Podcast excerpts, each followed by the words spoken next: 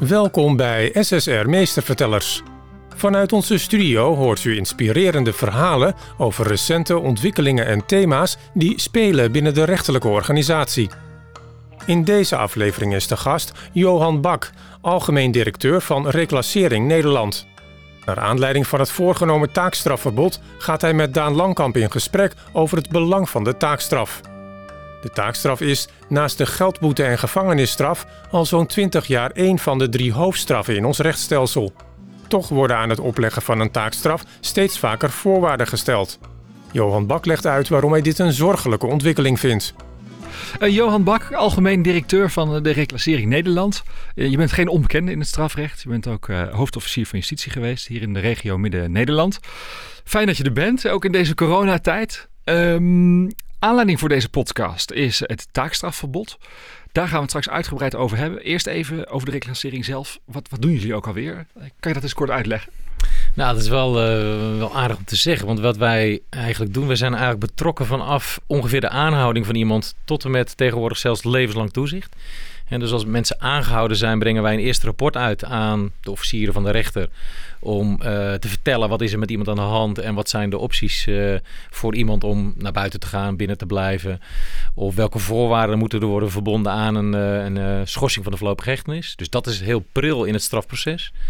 Wij adviseren ook als de strafzaak echt op zitting komt. Um, en tegelijkertijd zijn wij ook betrokken bij de tenuitvoerlegging van straffen. Zoals de werkstraf, maar ook het opleggen van toezichten, gedragstrainingen, dat soort zaken. En de, de taakstraffen, ja. hè, die natuurlijk het bekendst zijn misschien wel. Ja. Jullie, jullie spreken liever, zelf liever van werkstraf, hè? Ja, ik spreek, want we hebben eigenlijk maar één vorm nog van een taakstraf voor volwassenen en dat is de werkstraf. Dus uh, de wettelijke term is taakstraf, maar ik gebruik vaak uh, de term werkstraf omdat dat helder maakt dat je, nou ja, je gaat werken zonder dat je daar iets voor krijgt.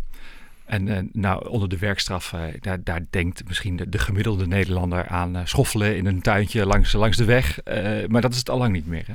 Nee, dat, is, dat kan nog steeds een optie zijn. Hè. Er zijn ook nog steeds veel van onze werkgestraften ook gewoon buiten in de groenvoorziening, in bossen overal aan, aan de slag. Maar dat kan veel meer zijn. Dat kan ook zijn uh, schoonmaken, dat kan zijn uh, schilderen, dat kan zijn bij een kringloopwinkel werken. Ja, dat kan van alles zijn. Um, ik heb pas nog een dag meegeholpen in uh, zo'n kringloopwinkel met een aantal andere werkgestraften. En ja, dat is heel gevarieerd. Kleding uitzoeken, sorteren, nou, dat soort zaken. altijd is het, uh, heeft het een maatschappelijk doel. Dus het moet wel iets bijdragen aan de samenleving. Het gaat niet om commerciële arbeid. Uh, het is, zoals het vroeger heette, toen ik officier was, onbetaalde arbeid ten algemene nutte. Dat is heel mooi, eigenlijk een hele mooie samenvatting van uh, wat die werkstraf is.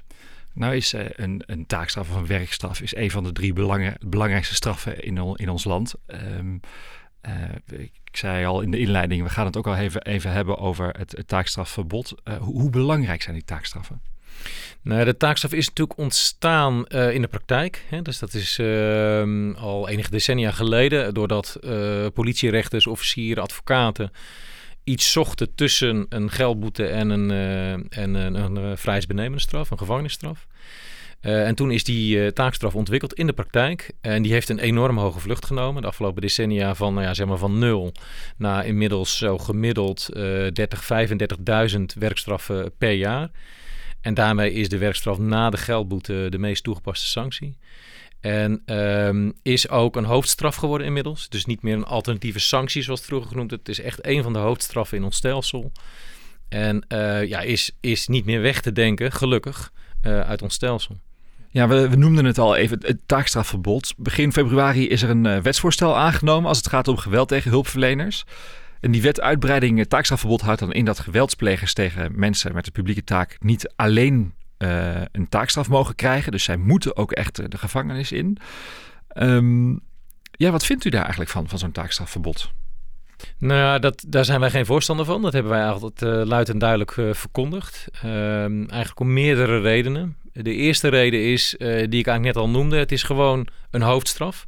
Het is een straf die ertoe doet. Uh, het is een straf die echt iets bijdraagt. Uh, Waarom? Nou, omdat wij de werkgestraften die onder onze hoede aan, uh, aan de slag gaan elk jaar, leveren we ongeveer 2 miljoen uren per jaar terug aan die samenleving. Aan sportclubs, aan bejaardentehuizen, aan kringloopwinkels, aan werk wat anders niet gedaan wordt. Dus dat is hartstikke belangrijk. Tweede is, is dat het ook eh, leidt tot minder recidive. Er zijn allerlei onderzoeken en het leidt tot aanzienlijk minder recidive dan als iemand uh, in een gevangenis komt. Dus het is gewoon een hele goede straf. En ik zeg daarmee niet dat die geschikt is voor alle gevallen, voor alle duidelijkheid. dus als er ehm, geweld is gebruikt en er is letsel. En dan leggen, straffen, leggen rechters meestal straffen op die ook een gevangenisstraf inhouden. En dat vind ik ook uitstekend. Wat deze wet doet, is dat het niet meer mogelijk is om louter een werkstraf op te leggen. En daarmee verklein je de gereedschapskist van de rechter. En daar zijn wij geen voorstander van, omdat die straf een hoofdstraf is. En waarom zou je die uit die gereedschapskist halen van die rechter die toch al verstandig straft? Ja, en nou, nou gaan er ook meer stemmen op in het strafrecht. Uh, verschillende partijen zijn ook tegen.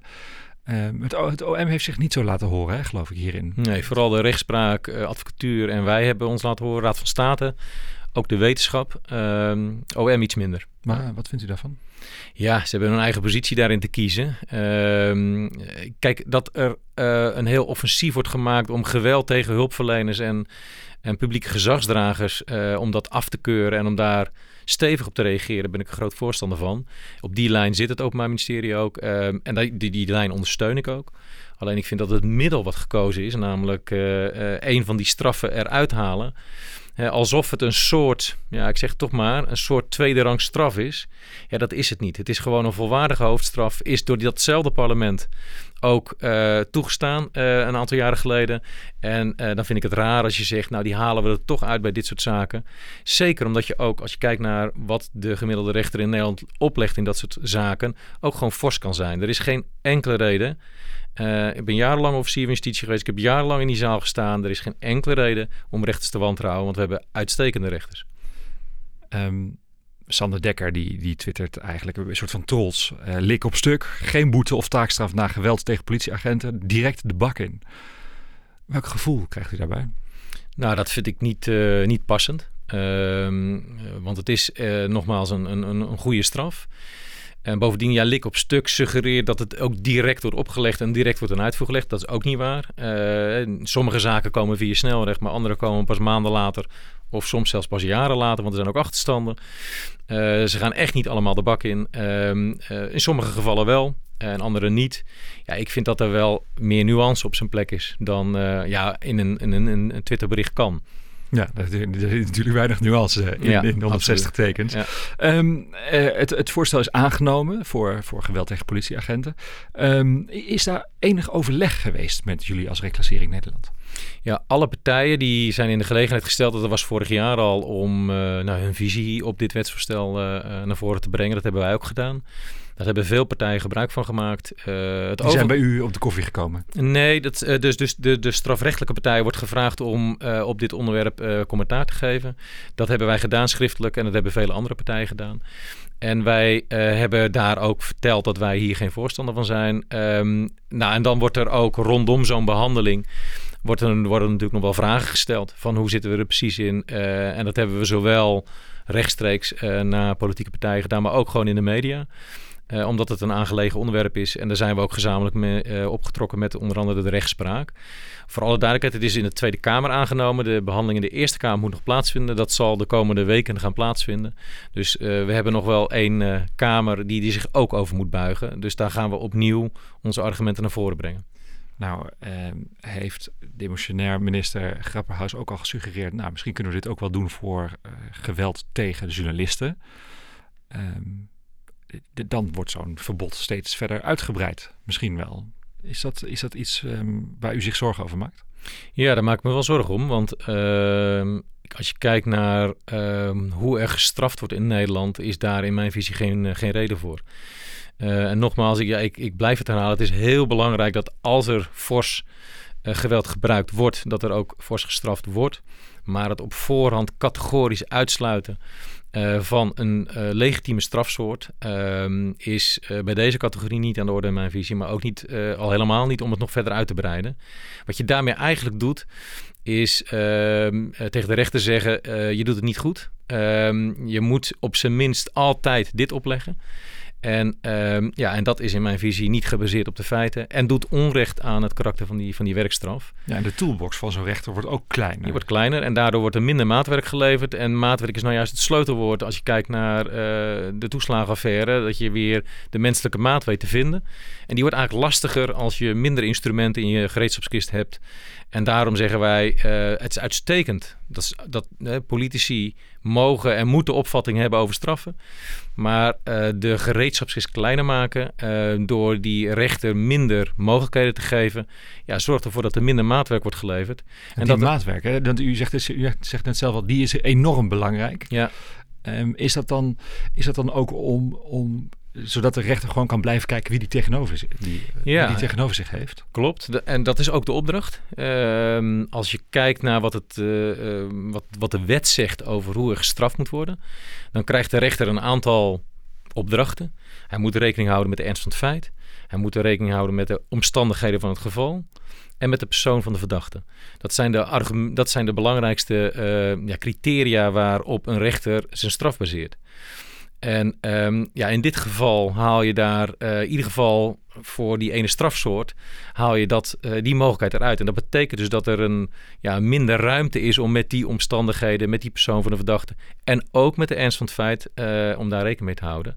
Ik zou zeggen, dat ligt bij de rechter. Um, uitstekend, is goed belegd. Als het niet goed gaat, dan kunnen mensen in hoger beroep gaan. Dan wordt het in hoger beroep nog eens een keer bekeken. Uh, en rechters in Nederland straffen al strenger. Hè. De laatste decennia zijn de rechters in Nederland strenger gaan straffen. Dus die luisteren ook naar het maatschappelijk debat. Uh, in mijn visie voldoende om te zeggen, nou rechters, uh, dat is een goede handen bij jullie. En dit is ook niet de eerste keer dat er aan die taakstraf gezeten wordt, hè? Nee, dat klopt. Hè. Dus je ziet eigenlijk een tegengesteld tendens. Enerzijds zie je dat die taakstraf een hoofdstraf is geworden. Daarmee een erkenning, dit is een volwaardige straf.